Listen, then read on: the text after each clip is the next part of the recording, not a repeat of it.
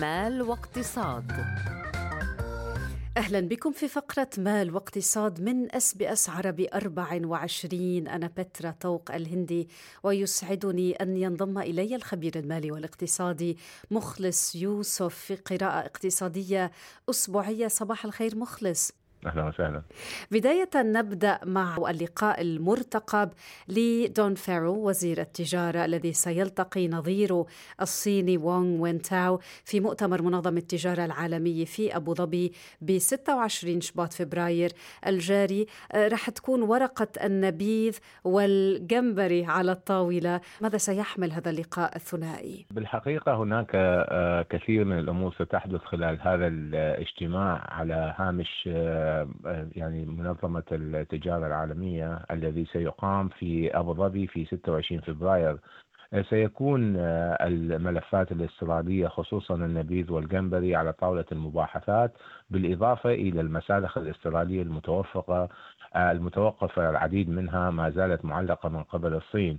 ومن المتوقع على نطاق واسع أن ترفع التعريفات الصينية على النبيذ الاستيرادي التي فرضت طبعا آه، ظل أزمة دبلوماسية في عام 2020 خلال الشهر المقبل ومع ذلك إن لم تكن كذلك آه، فقال السيد دون فاريل آه، وزير التجارة الاسترالي سنستأنف فورا نزاعنا في منظمة التجارة العالمية وقد يجعلنا ذلك واضحا للسلطات الصينية في حين قال الوزير إنه من السابق لاوانه القول متى قد يستأنف التجارة الصينية لصناعة الجمبري. آه، آه، وأيضا قال أن اجتماع منظمة التجارة العالمية سيمنحه فكرة أفضل عن التوقيت.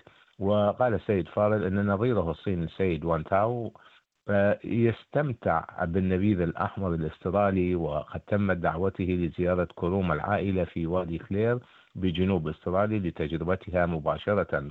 وقالت أيضا السيدة فيكتوريا ميغ بروتمان هي صانعة النبيذ آه، في آه، وادي العائلة أنها أكثر انشغالا من المعتاد خلال الأسابيع القليلة الماضية في كرومها خارج ملبون ومع حلول السنة القمرية الجديدة والتوقعات بعودة التجارة مع السوق التصديرية آه، الأهم للصناعة حيث أنها بدأت الاتصال بالهواتف وتنظيف التسميات باللغة الصينية التي كانت متوقفة لعدة سنوات ونحن مستعدون لذلك ليحدث آه، حيث أن إزالة التعريفات آه، آه، ضد النبيذ الاسترالي التي تصل إلى 200% والتي من المتوقع أن تحدث خلال نهاية الشهر المقبل.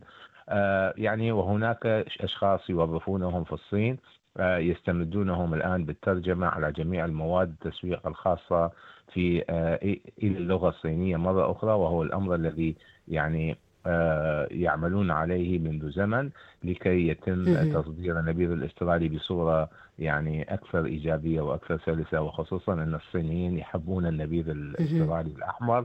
وبالإضافة إلى الجمبري وإضافة إلى اللحوم الأسترالية. نعم مخلص آخر الأخبار الاقتصادية في أستراليا تشير إلى استمرار التباطؤ في النمو حيث انخفضت الدخول القابله للإنفاق ومعدلات التوفير وفقا لتقرير منظمة التعاون والتنمية الاقتصادية، هذا التقرير الذي أظهر أن التضخم يستمر في الارتفاع بوتيرة أسرع من نمو الأجور في البلاد، كيف تقرأ هذه الأرقام؟ في الوقت الحالي لا توجد مؤشرات قوية تشير إلى رفع أسعار مثلا الفائدة في أستراليا في المستقبل القريب، على الرغم من إن بعض البنوك المركزية العالمية قد بدأت في رفع أسعار الفائدة بسبب التضخم المتزايد إلا أن الاقتصاد الاسترالي لا يزال يواجه تحديات متعددة بسبب جائحة كوفيد كورونا 19 وتباطؤ النمو الاقتصادي وضعف الوظائف. ومن المتوقع أن تظل السياسة النقدية في استراليا آه، تحت الرقابة وأن تظل الأسعار دون تغيير في الوقت الحالي. ولكن يمكن أن تتغير هذه الظروف بناء على تطورات الاقتصاد العالمي والوطني.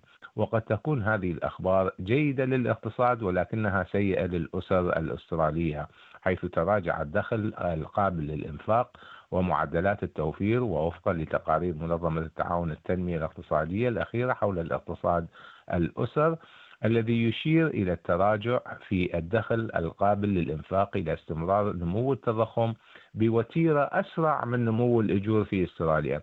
مما يضيف وزنا لادعاءات ألين فيلز بأن الاحتكار وليس نمو الأجور يدفع إلى التضخم. والحقيقة أن إنفاق الأسر لم ينخفض خلال نفس الفترة.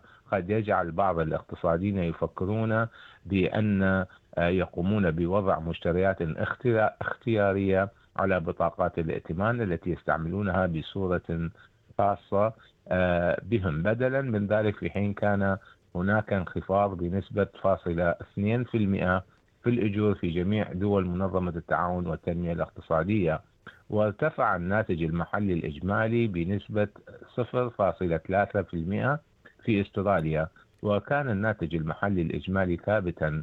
وقال التقرير أن 11 دولة شهدت زيادة في الأجور الحقيقية في الربع الثالث من عام 2023 بينما الدول ال 21 في منظمة التعاون والتنمية الاقتصادية التي كانت هناك بيانات عنها شهدت عشر دول أخرى انخفاضا عانت منها وكان أكبرها إسبانيا في أكبر انكماش.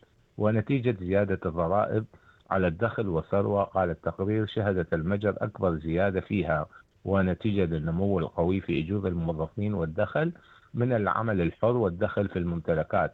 وفي الولايات المتحدة على الرغم من زيادة 1% من الناتج المحلي الإجمالي الحقيقي للفرد وزيادات في أجور الموظفين والدخل من العمل الحر انخفض الدخل الحقيقي للأسر وللفرد قليلا في الربع الثالث. طبعا مع ذلك نعم. أنه انخفاض هذا الدخل الحقيقي للأسر يشكل عائقا كبيرا على أستراليا وخصوصا في المدفوعات الفوائد الاجتماعية والحكومية بما في ذلك ال Medicare وزيادات في دفعات الضرائب ومساهمات التأمين الاجتماعي وطبعا private health insurance وكثير من الأمور وأمور الطاقة وكثيرا المصاريف في التسوق في المحلات التجارية الكبرى وأيضا في المواد الاستهلاكية التي تستخدم يوميا للعيش. أخ مخلص أشرت أن لا مؤشر يعني واضح على رفع أسعار الفائدة في المستقبل القريب ولكن كيف سيكون الوضع الاقتصادي على الأسر الأسترالية في حال ارتفاع التضخم وزيادة معدلات النمو الاقتصادي؟ بالحقيقة سيعاني الأستراليون من ضغوط الرهن العقاري والإيجار بأعداد قياسية من أجل مكافحة هذا التضخم حيث يعطي الأولوية لميزانيات المصارف الخاصة على رفاهية الناس. ما تحتاج إلى معرفته هي لتحرر من هذه السياسة القاسية ومتوفرة في نشأة التقشف. سلسلة مكونة من تسعة أجزاء من تحرير مجلة خدمة التنمية الاسترالية آه، وهي السيدة إليزا بارويك حيث نشرت في السنوية الاسترالية في عام 2023 تقريرا تروي آه، قصص كثيرة منها أنه أصبح التقشف مذهبا اقتصاديا وسياسيا متاحة الآن كنشرة وتوثيق كعمل النخبة المصرفية في مدينة لندن على سبيل المثال من خلال وزارة الخزانة أو على برنامج البنك البريطاني والتقشف المالي النقدي الصناعي وإجراءات الاقتصاد من الإنفاق للحكومات والشعوب آه، في العشرينيات. وفرضوها على أوروبا المدمرة بالحروب وهذه أيضا السياسة التي لم تكن فعالة ولن تكن أبدا في الحقيقة في الحد الأعلى والحد آه، من التضخم بل زادت من انتشار كثير من الأمور التي يعاني منها الأستراليين والأسر المتعففة التي يعني لديها دخل ثابت ومحدد يعيشون منه خلال آه، يعني مدار السنة أو مدار الأسبوع حسب مصروفهم الشهري أو مصروفهم الأسبوعي لاستمرار بالعيش الكريم. شكرا من قلبنا لك الخبير المالي والاقتصادي مخلص يوسف على هذه القراءة الاقتصادية الأسبوعية. مستمعينا فقرة مال واقتصاد أو بودكاست مال واقتصاد بتسمعوا كل يوم أربعة على Good Morning Australia مباشرة على الهواء وبتلاقوه على كامل منصاتنا.